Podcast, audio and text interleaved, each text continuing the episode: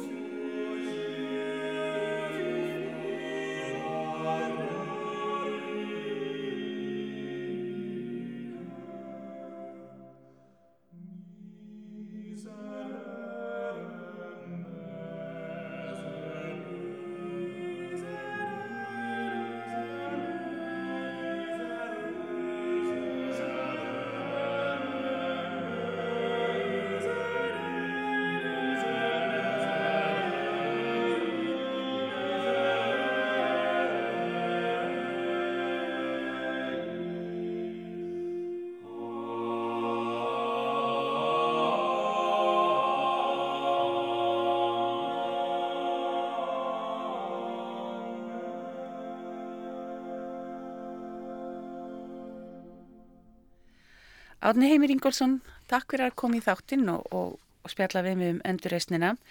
Þetta, ég veit að þetta tímabil er þér mjög kært og hefur orðið svona kærara á síðustu árum. Þú er svona eiginlega dóttið onni í endurreysna tónlist. Já, já, ég veit ekki hvort það er bara á síðustu árum. Ég finnst einhvern veginn alltaf hafa, hjartað hefur alltaf svolítið slegið þarna. Já. Einlega frá því ég var bara í mentaskóla. Já. Og var bæðið náttúrulega í kór hjá Þorgerði, þar sem við sungum mikið frá þessum tíma Mhm. og í tónlistasögu hjá Önnu Magnúsdóttur. Já. og þetta var, þarna var ég bara, já, 15-16 ára og það svona opnaðist fyrir mér alveg heil heimur. Ég fór strax mjög mikið að hlusta á þessa tónlist og, og þegar ég fór síðan erlendis í, í nám og þá einhvern veginn láða svo beint við að, að söfka mér svolítið onni þennan tíma. Já. Hvað er svona spennandi við þetta? Þetta er bara svo fallegt. Þetta er bara alveg dásamlega tónlist. Hún er svo, hún er svo tær og, og upphafinn og, og, og fögur. Það er líka ótrúlega gaman að syngja hana uh, og, hún einhvern veginn talar til, til tilfinningana. Hún er svolítið einhvern veginn svona án þess að vera sko belgingslega eða útblásin eins og kannski stundum uh, 19. öldin getur verið sko. Romantíkin Romantíkin getur, hún svona höfðar mismikið til mín, verði að segja, sko. En, en þarna er eitthvað, það er eitthvað, eitthvað tærleiki og fegur sem að mér finnst alveg ómótstæðileg. Mm. Kannski einhver einfaldleiki. Já, einfaldleiki en samt, samt alls konar flækjur ef maður, ef maður nennir að kafa eftir þeim. Já. En það er svona eitt af því sem enginnir, þetta tímabil er að tónskáldum finnst mjög gaman einmitt að, að leika sér með. Þau eru ofta að vinna með sko eitthvað tónefni sem er fyrirfram gefið eins og sléttsöngur eða katholskur kirkjusöngur sem er kannski einhver einrödd í stærri vef. Þau eru að leika sér að því að búa til alls konar svona brellur en þú heyrir það ekki þegar þú hlustar á tónlistina þá heyrir þú bara guðminn góðu hvað þetta fallegt en svo þú sest með nóturnar og ferða að analýsera þá sér því að þetta er mjög, mjög flókin struktúr sem tónskáld er að búa til. Mm. En ef við tölum svona almennt um þessa, þetta endurreysna tímabil, hvað var, hvað var verið að endurreysa eiginlega? Var, var eitthvað ja, hægt að endurreysa í tónlist? Nei, þetta er mjög góð spurning sko. Þetta er eiginlega af öllum listgreinum er, er þetta hugtak eiginlega mest óviðeigandi í tónlistinni. Af því að hugmyndin með endurreysn er að þú ert að líka eftir gullöld, Rómaveldis og Gríklands til forna sem eru auðvitað mjög fínt eða úrst arkitekt eða myndtökvari en það hefur bara ekkert varðveist af tónlist frá þessum tíma ekki nema einhver brot sem er mjög erfitt að ráða við vitum eiginlega hvernig tónlistin beilinni sljómaði og þannig að, að það sem er eiginlega já, það er eiginlega ekki verið að endurreisa neitt í, í sjálfu sér sko, ekki fyrir en, ekki fyrir en alveg undir lók 16. aldar þegar allt í hennu tónskáld og, og rítumund að fara að pæli sko, hvernig voru grísku leikriðin flutt og hvernig var þetta nú hjá Sofoklesi og eitthvað. Og, og þá fara menna að gera tilraunir með leikrið sem eru sungin alveg í gegn. Og það er náttúrulega óperan, það er óperan fæðist, það er runni svona endurreysnar, kjarni endurreysnar hugmyndarinnar í tónlist. En það er við upp af næsta tímabils í tónlistasjónu sem er barokkið. Mm. þannig að þeir eru þeir eru svo seinir að, að koma sér alveg inn í, inn í þennan gýr. Endurreysnin er líka auðvitað mjög langt tímabil í sögunni. Ég meina, yfirleitt er talið svona cirka frá 1420 til 1600. Þetta eru 180 ár á meðan að klassíski tímin í tónlist er kannski 70 og, og romantíkin aðeins lengri 80 ár kannski. Þannig að, að það, er, það er svo margt sem gerist. Þetta er, þetta er mjög fjölbreytt tónlist og erfitt kannski alveg að setja hann í einn einn flokk þannig séð. Mm. uh, en hún, svona, hún einkennist af einhverjum blíðum samhljómi. Það er einhver svona, einhver tærleiki. Uh, það er líka þessi hugmynd eins og þú, þú nefndir áðan uh, þetta með að, að rattirnar eru voða mikið að gera sama hlut, kannski ekki allar, allar á sama tíma en það er svona verið að að vinna úr, úr sama efni við í öllum röttunum þannig að, að það er ekki hægt að segja að ein rött skipti meira máli en hinnar einrödd sem er lægið, það eru allar með lægið einhvern veginn. Og það var áður að þá ef við hugsaum aðeins úr hverju við erum að koma, við erum að koma úr kannski Gregorsöng útskýra aðeins hvað er hann á undan. Já, já, sko miðaldatónlist einmitt eins og hún nefnir, sko byggir á, á Gregorsöngi þessum, þessum katholka kirkusöng en svo að ferða að bæta við auðvitað fleiri röttum kannski helsti munurinn á, á miðalda tónlist annars vegar og endurist hins vegar og auðvitað er þetta mjög mikil einföldun. En sko tónbílin eru kannski svolítið stríðari stundum og, og hljóma kannski svolítið forneskjulegri í miðaldatónlistinni, það er meiri áhersla á, á fimmundir og ferundir og áttundir og síðan allt í einu þarna upp úr 1400 þá er eins og tónskáld í Evrópu uppgötu við hvaða getur verið ótrúlega mikil fegur fólkin í þrýjundinni sem einhvern veginn þau bara hefðu ekki átt að sig á áður og, og þá verður þessi svona blíði samljómur sem að, sem að fæðist einlega af þessu, eða, þetta tómbil er bara svo mikið likil tómbil í, í enduristnatónlist mm. og, og, og þeir, Fríundin, þetta er upphafið á gamla nóa Já, já, akkurat, já. akkurat til dæmis og þannig að svona, þessi, þessi fagri samljómur verður mjög einkennandi fyrir þetta og svolítið svona uh, meira, meira tekið tillit til þess hvernig rattirnar hljóma saman. Og meðan að miðalda menn voru kannski, þeir voru alveg ánæðir eða og sömdu eina rödd á móti annari á móti þriðju. Og þeir voru ekkert kannski svo mikið að hugsa um hvernig það hljómuðu svona Saman. þegar voru, voru komnar, komnar í graut. Uh, heldur bara að hver rödd fyrir sig hefði sína lógík og, og sín karakter og eitthvað uh -huh. slúðis þannig að, að þetta þeir, þeir ná betur utanum svona einhvern veginn heldina í hljómunum mm. En hvað eins og með að koma textanum til skila uh, var það eitthvað Var það eitthvað stórt mál? Já og, og það er eitt af því sem, sem einkennir enduristna tónlist og þar kannski getum við séð ákveðna tengingu við sko humanisman og það sem er kallað fornmentastefnan áhuga á bókmentum og áhuga á tjáningu í listum uh, á meðan að sko miðalda tónskál til dæmis voru stundum bara með ólíka texta í ólíkum röttum, þú er kannski með lag fyrir þrjá rættir og þau eru allar að syngja mismunandi texta og þú svona eh, algjör tilviljum hvort þú skilur upp nýja nýður í því sem þau eru að syngja. Mm -hmm og hvað þá að tónlistin eigi eitthvað sérstaklega að vera að endurspegla það sem er verið að syngja eða það að vera einhver svona fylgni á milli þess sem er að gerast í tónlistinni og þess sem er að gerast í textanum. Mm. Þetta verður mjög mikið áhuga mál tónskálda á, á 15. og 16. öld. Þetta að, að, að laða fram þess að það sem við myndum kannski kalla tjáningu, þeir hefur kannski notað einhver önnur orð, en, en okkur finnst hún svona tjáningarík og, og svona mjölkasóldið kannski tilfinningarnar, auðvitað sérstaklega í verallegri tónlist sem sem svona virkilega fær byrjundi báða vangi ymitt á þessum tíma mm. af, því að, af því að það svona helst í hendur við, við prent menninguna og mm. það, ert allt í unnu farin að geta bara keift nótur út í búð í staðin fyrir að þurfa að byrja á því að kaupa þér skinn og, og blek og setja svo niður í mánuðið eða tvo mánuðið að skrifa mm -hmm. til að eiga bók með nótum -hmm. þannig að það eru þetta rosalega mikil munur mm. En Uh, við tölum um þetta að, að sko endurreysnin og á Ítalíu og voru náttúrulega allar þessar stittur og all, allar þessar fyrirmyndir. Og hún í raun og veru byrjar þar, er það ekki?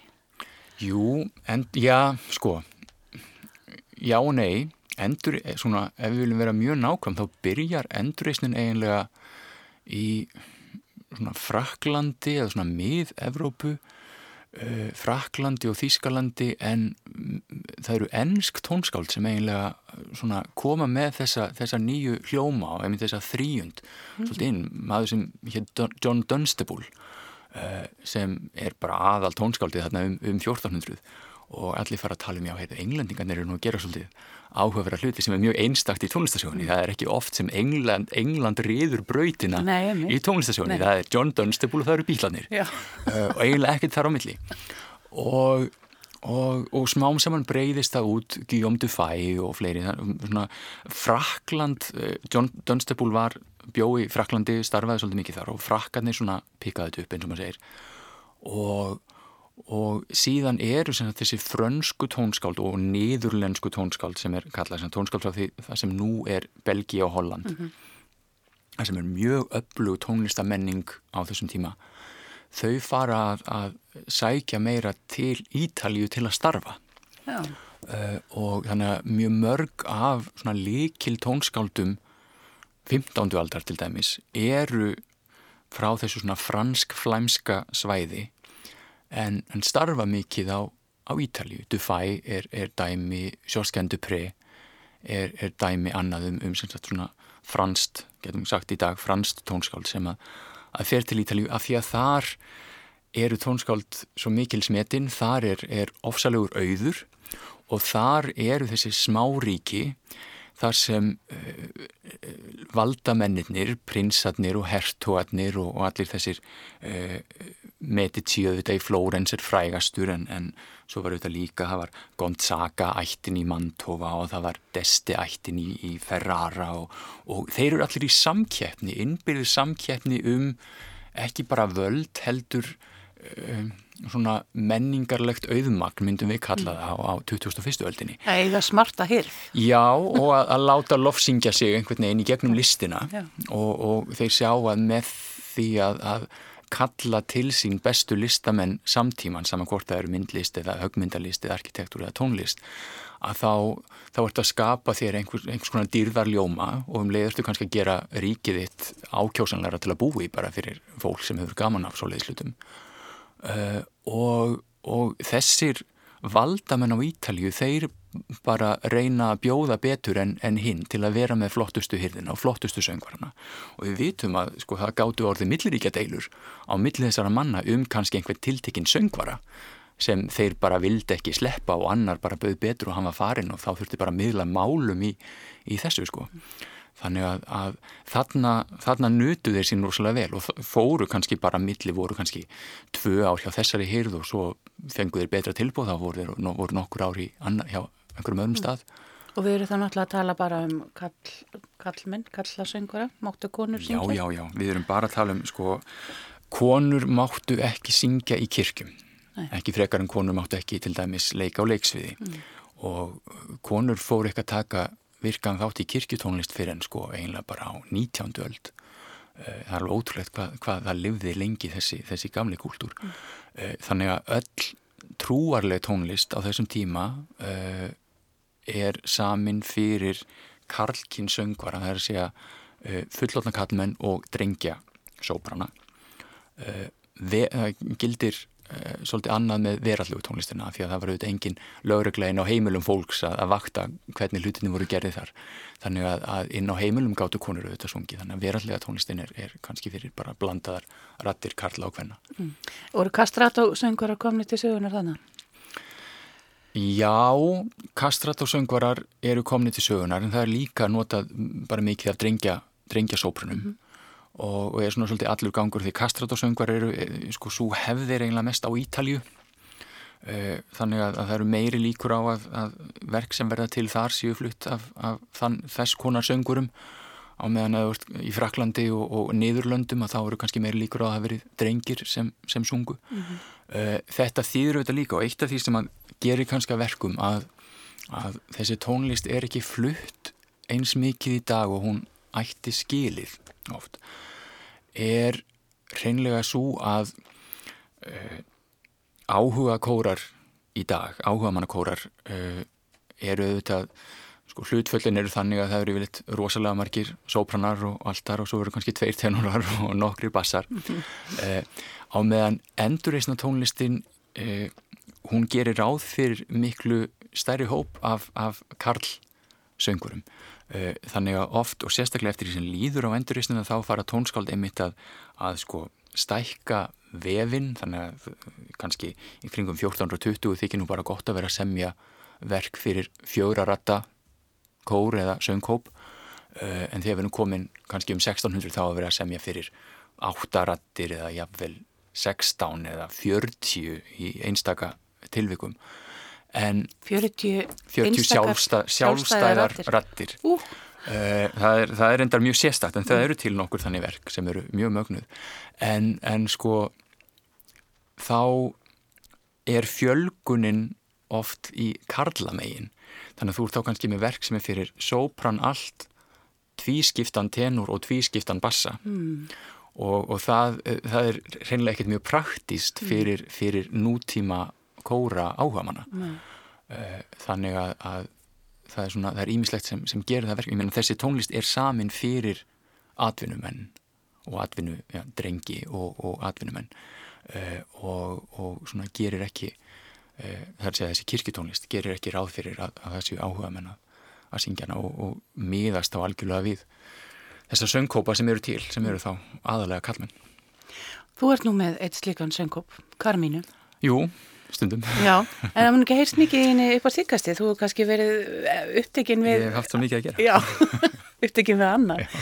En uh, hún hefur einmitt flutt, flutt svona tónlist, endurreysna tónlist mikið af henni. Og ef við byrjum þá aðeins saman sko líka við hvað hva er við að gera hér á mm. Íslandi, hvað er að gerast hér? Einmitt. Ha, þið hafið mm. sungið eitthvað frá þessum tíma eða kannski örlítið setna? Jú, uh, við... Íslenska sko, tónlist? Það, við vitum nú ekki eins mikið um þetta og við myndum vilja. Mm. Uh, og við náttúrulega vitum að á katholska tímanum þar sé að fram til um 1550 þá er aðalega verið að syngja hérna grekosöng eða, eða svona einrata katholskan kirkusöng, einstakar sinnum kannski tvísöng síðan fer alls konar tónlist að berast hingað svona um, um, um og upp úr síðaskiptum og vandin er í rauninni sá að það hafa svo óskaplega fá íslensk nóttunahandrit varðveist frá þessum tíma.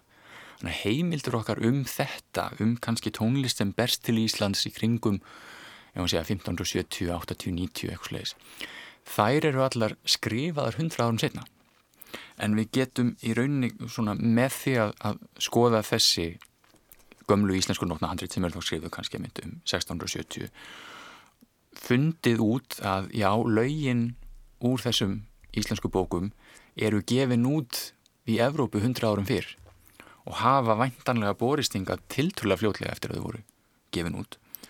Og, og þá er einn líkil maður svona í íslenskri tónlistasögu eh, sem hétt Erasmus Villadsson og var danskur skólameistari sem kom til Íslands kendi í skálholti í nokkur ár var síðan fekk mikinn frama innan, innan kirkjunar og, og giftist dóttur biskupsins í skálholti og var prestur á breyðabólsta í fljótslýð en, en hann virðist hafa flutt inn svolítið af, af svona tónlist kannski aðlega meðan hann var í mitt skólameistari í skálhaldi til að láta piltana syngja eitthvað, einhverja alvöru músík mm -hmm.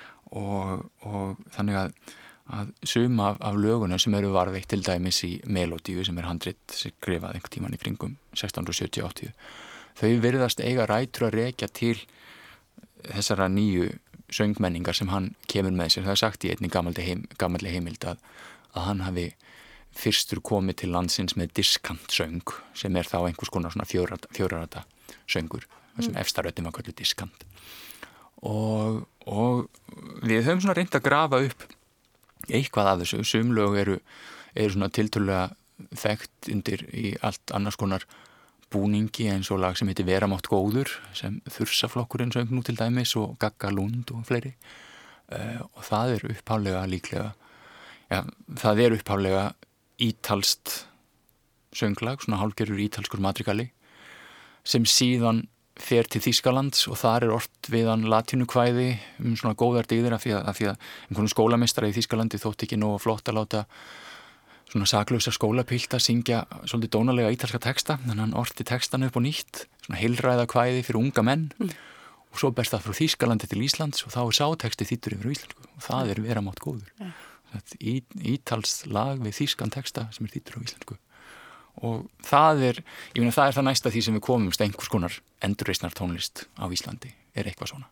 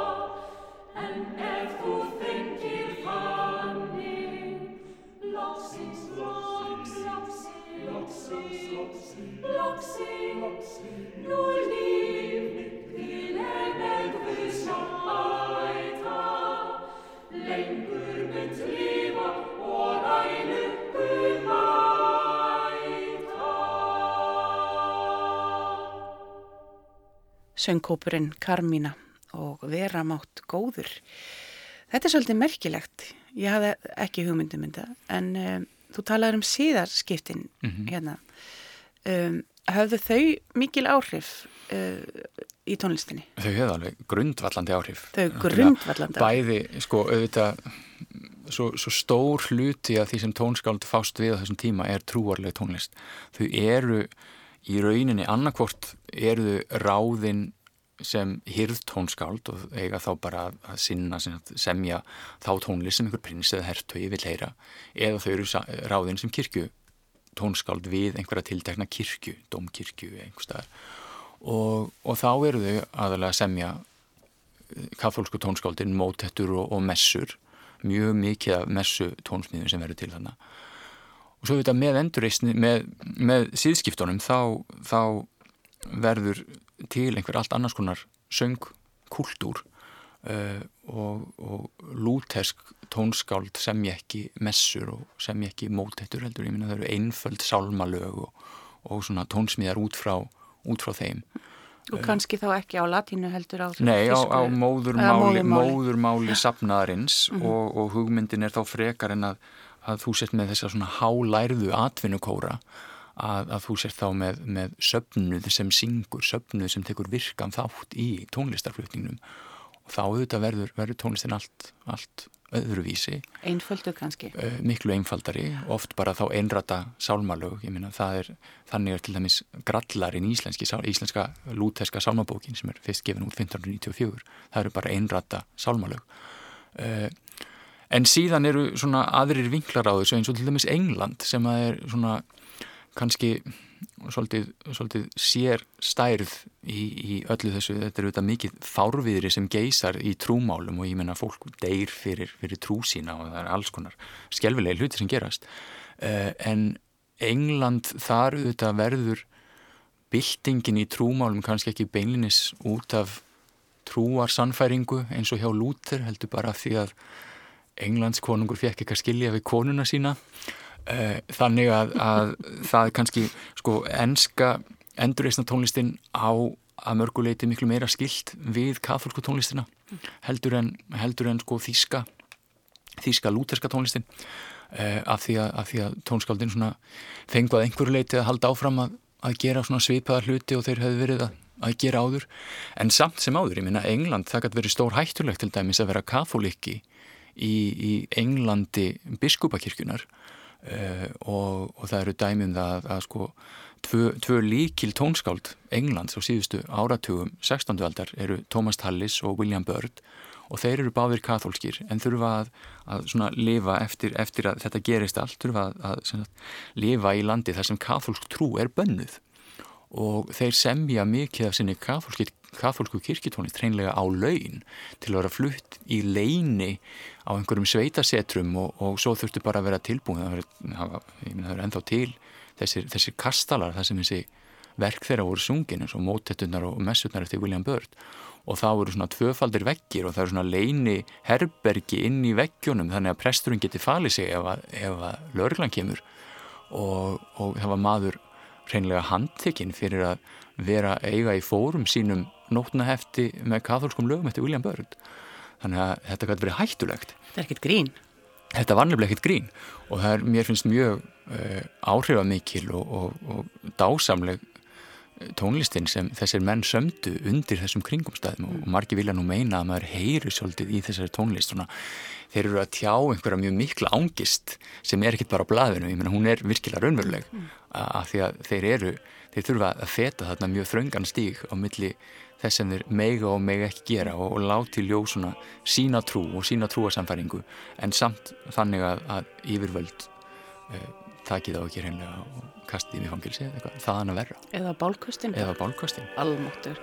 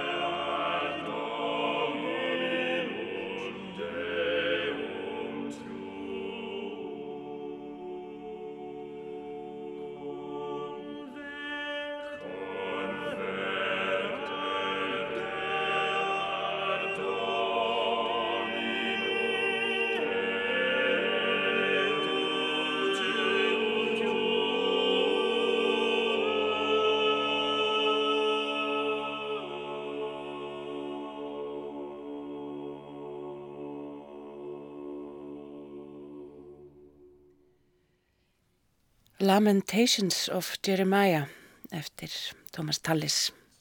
Hvað er við að hlusta á þarna?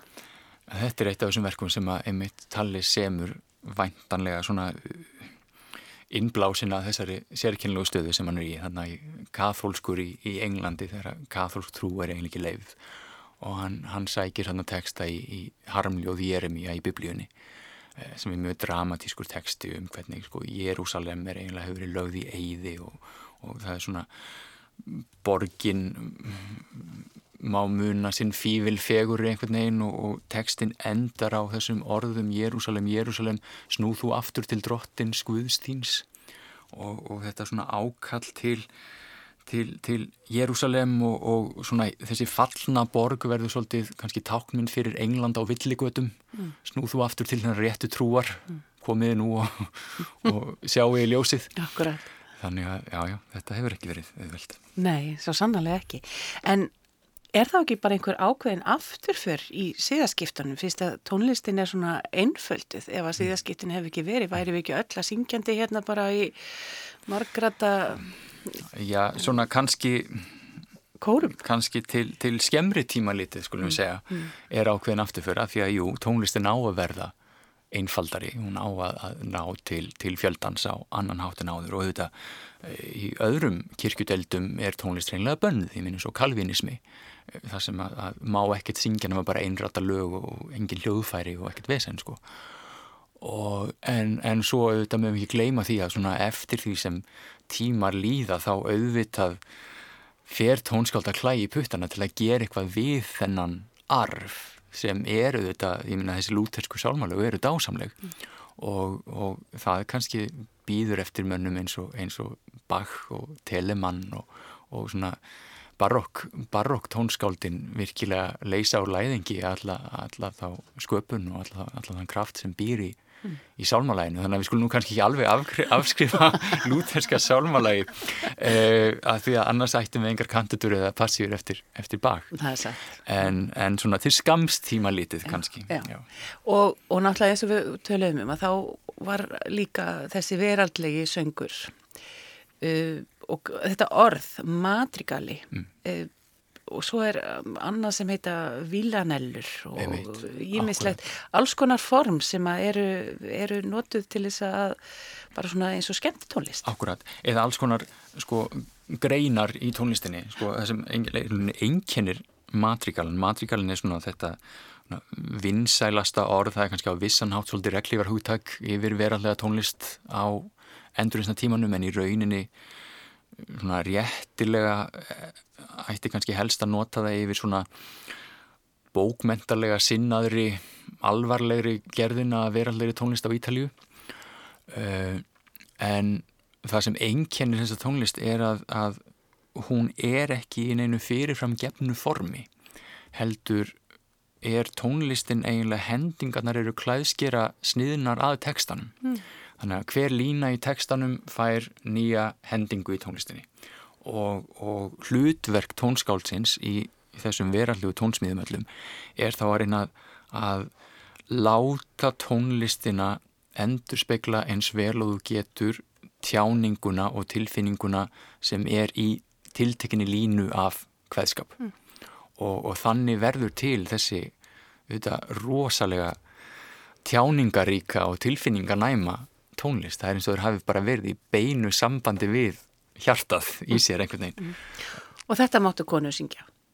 Þetta máttu konur, konur syngja og ég minna við vitum eh, svona undir, einmitt undir lok 16. aldar að þá færist það í vöxt að, að sko konur verða mjög mikil smetnir atvinnusöngvarar á Ítalju það eru til dæmis í Ferrara var það sem var kallað Concerto delle Donne sem var svona söngkópur það sem og tónskald voru þó sérstaklega semja fyrir fyrir kvenratir, en það var ekki í kirkunni það var bara í, sagt, í, í, við hyrðina sagt, inn í kastalanum eða á heimilum fólks. Uh, en matrigalin sem, sem svona tónlistargrein gerir oft mjög miklar kröfur til til flytjandans.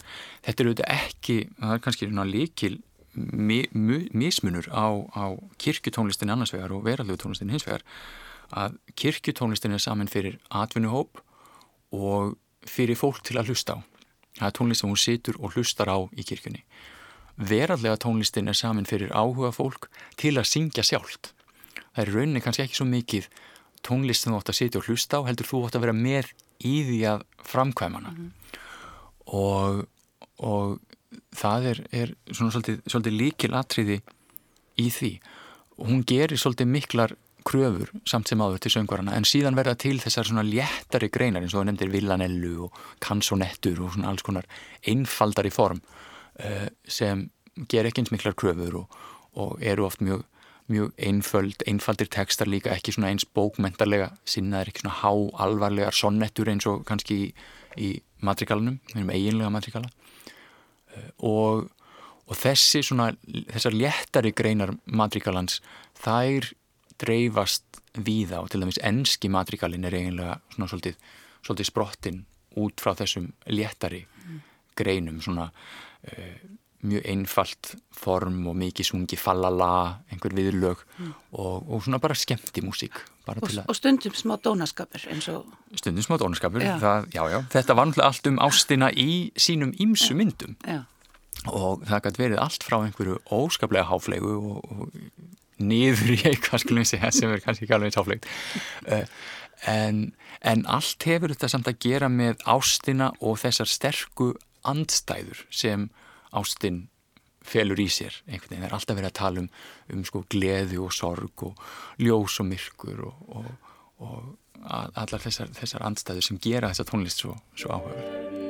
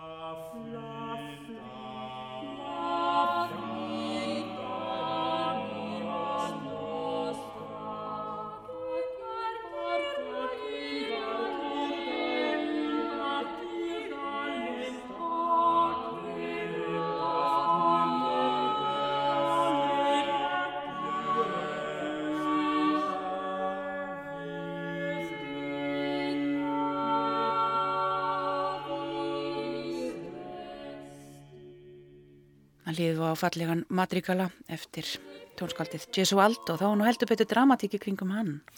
Jú, jú, heldur betur. Hann, hann lendi ímsu, skulle ég segja. Lendi í. Hann, hann, sagt, hann var aðalsmaður á, á Ítalíu og, og kom að konu sinni í bólinu með öðru manni og myrti þau bæði. Eh, það eru nú engin eftirmála því sjálfur sér og Þetta sjálfsæður réttur væntalega bara? Já, já, svo sem ég held bara einlega næstu því fram á 20. stöld á Ítalíu hafi það nú ekki verið gert laurugum álu því þegar svona var komið fyrir mönnum, svona segja. Uh, en hann samti mjög ævintýralega tónlist uh, sem er kromatísk, sem er, er kallað þar að þeirra hún er svona tónbilinn og hljóma samsetningarnar virka svolítið fyrðulega ámann út frá hinnum hefðbundu skölum sem liggja til grundvallar flestri tónlist og, eh, og það hefur mikið verið rætt um það svona bara í gegnum söguna hvort að sko af hverju þetta stafar. Var Gesualdo bara geðveikur? Uh, mist hann alveg vitið eftir að hann draf konuna sína? Sem má auðvitað vel vera. Uh, en samt Hún er meðu vantilega ekki verið alveg sama. Nei, nei, samt sko verðum að líka að hafa í huga að, að Gesualdo er akkurat á þessum tíma svona rétt um, rétt fyrir 1600 þá er ákveðin svona klíka eða, eða skóli eða hópur af tónskáldum sérstaklega á norður Ítalju í kringum Ferrara og þar sem hefur mjög mikinn áhuga á svona því sem maður geti kannski kalla framúrstefnu endurreysnarinnar og því að einmitt laða fram þessi sérkennilegu hughrif í gegnum það að blanda saman hljómum sem kannski eða alveg heima saman svona samkvæmt öllum venjulegum reglum. Og og, og Gesualdo var ekkert einn um þetta það voru miklu fleiri tónskáld og hann, hann eh, tengist mjög stert þessari Ferrara hefð uh, þannig að, að hann er líka þá hluti af, af einhverjum svona eh, stærri, stærri hópi tónskálda sem er að, að fíkra sig áfram með þetta sama en það kannski gerir það enginn alveg eftirminnilega og Gesualdo og svo þetta þessi saga hjálpa líka svolítið til svona markaðsetningarlega séð getum við sagt á 20. öld 2001. að, að, að svona, það vita allir hver hann er að því að sagan var svo góð mm. um, Tónlistin eftir morðingjan Tónlistin eftir morðingjan mm.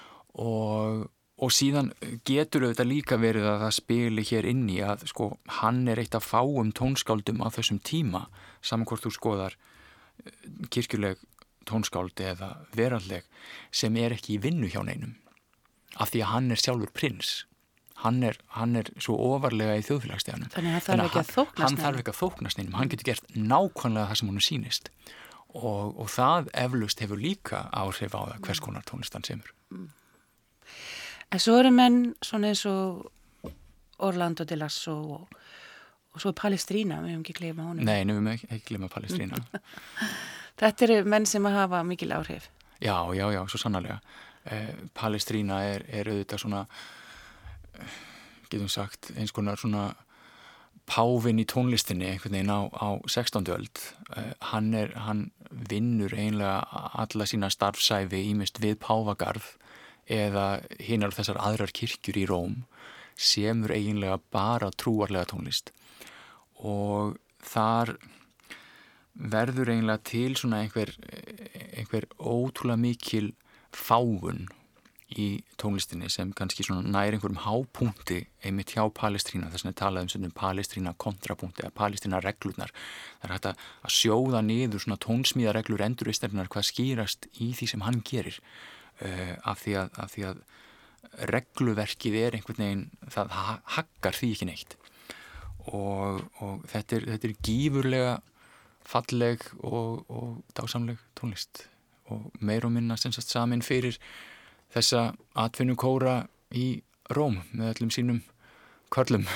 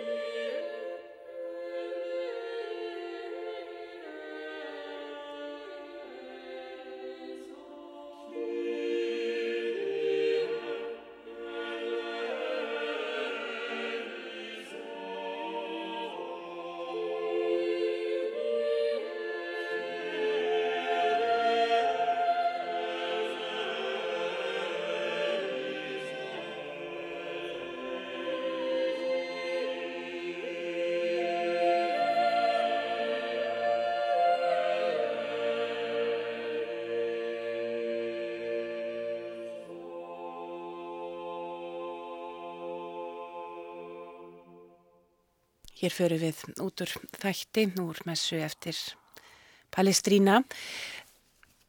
Áttin við erum ekki alveg sammála um fluttning á svona, við, við vorum hérna áður en við byrjuðum í þættinni með ég er ennþá svolítið svona gammaldags, myndum segja gammaldags í, í svona, ég vil hafa þetta svolítið stórt og, og svolítið bólkið ennþá, já, svona endurreysna tónlistinu. Jáfnveil þó að, að ég sé komin í barrokkinu, mm. þá vil ég fá uppruna tónlist, en, en ég veit ekki alveg með sko þetta, maður svona, ha, þetta er svo, þetta er svo, þetta er svo tært og, og, og, og lítið einhvern veginn. Í staðan fyrir þegar að, að sko, svona stórir kórar. Já, já. en ég er bara ekki sennilega komin eins langt og þú með því að lusta á þetta. Já, ég minna þetta er auðvitað líka bara smekkur. En, en sko það sem að, að mér hefur einhvern veginn þótt virka best í, í flutningi á þessari söngtónlist endurreysnarinnar er að vera með litla söngkópa og helst tvo söngvara í hverju rött eh, þannig að þú sér ekki með svona þennan rattblæ sem kemur frá einsöngurum eða þegar það er bara einn að syngja hverja línu. Eh, rattirna geta blandast svo litið en það er samt eh, þessi nánd sem kemur að því að hafa fáa söngvara þá verður intonasjónin auðveldari vonandi, eða þú ert með góða söngara sem vita hvað er að gera þá er hægt að syngja mjög hreint. Og um leið er hægt að ná kannski meiri fylgni við línutnar sjálfar. Þeir út ekki með kannski tíu manna hóp sem þarf að koma sér saman um hvernig ætla ég að móta þessa línu uh, ef þú ert með söngvara sem hafa gert svolítið mikið að því að syngja þessa tónlist og eru orðin svolítið, svolítið sérfræðingar kannski í því að þá er þetta sko hvernig þú mótar línuna, hvernig hún, hvernig hún vex og dvínar, hvernig hún endur speiklar einhver tiltekinn orð í hendingu, leggur áherslu á eitthvað tiltekið atkvæði, oft er þetta náttúrulega á latínu, söngvari sem syngur mikið á endur, þannig að hann þarf að kunna latínu mjög vel og vita hvar áhersluðan liggja. Uh, þegar þetta allt kemur saman að þá finnst mér einmitt að tónlistin verði áhrifa meiri af því að það verður einhvern veginn meira bragð af henni, mm. finnst mér. Mér finnst þetta meira bragð af því þegar eru fáir söngvarar ef þeir vita hvað þeir eru að gera. Af því að hættan ef þú ert kannski með einhvern 50, 60, 70 manna kór er að það verður svolítið döft, það verður svolítið mikið eins. Og það er það er svolítið sem að, að sko kannski ímynd sem fólk hefur kannski svolítið af endurreysna tónlist er að hún hljómi mitt svolítið öll eins, er svolítið bragðdauð kannski getum við sagt. En hún er það ekki ef hún er bara rétt flutt eða já, e, það sem mér finnst vera svona e, ákjósanlegur flutningur er að, að einmitt reyna að gera þessa tjáningu e, svolítið safaríkari mm. kreista, kreista fram þessar, þessar línur og textan og þú svo sem ekki deitnum það, það eru nei, nei. það eru, eru þarna fínir hópar úti sem jú, jú, eru og, og það getur verið, það getur verið bara hreinlega dásamlega reynslega einmitt að syngja þessa tónlist í, í litlum hóp af því að þá verður þetta eins og kamertónlist já.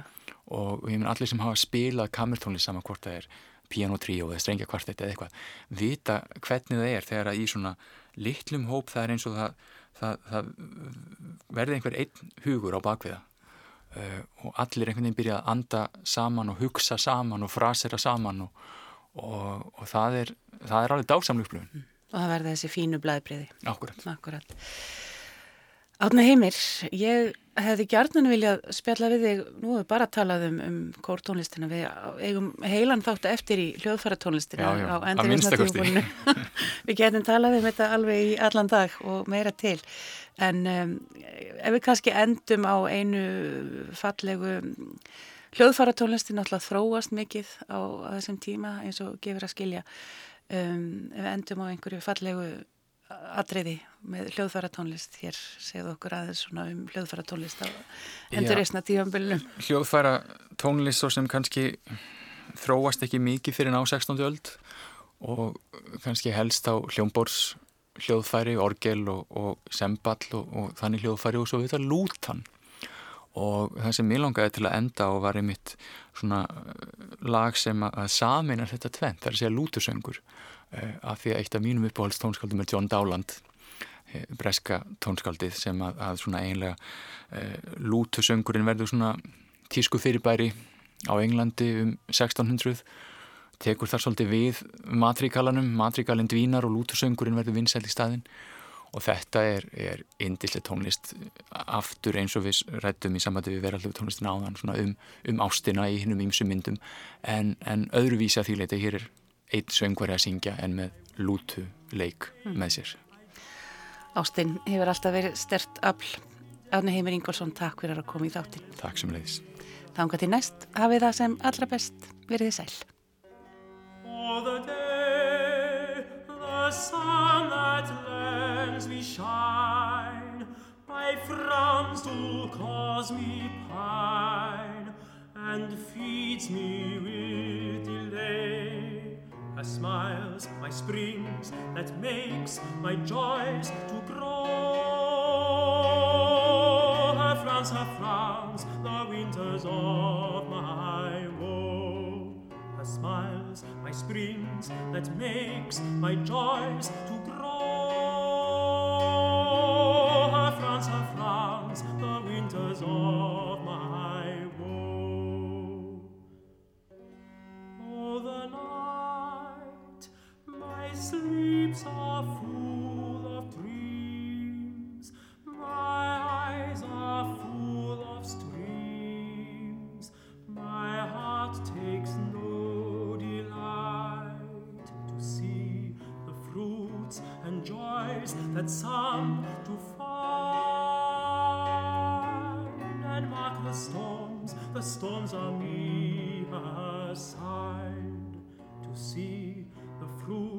and joys that some to find.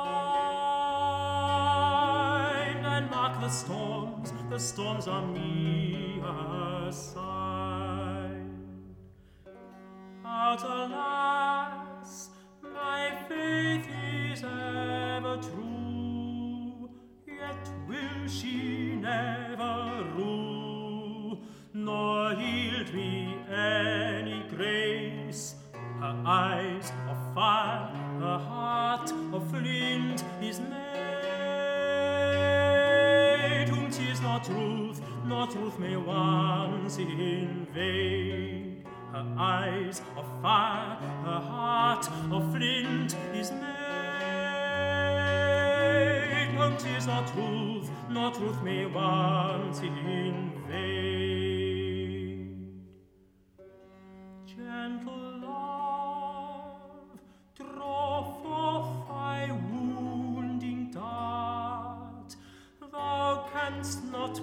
pierce her heart for I that true approve. My sighs and tears more hot than are thy shafts.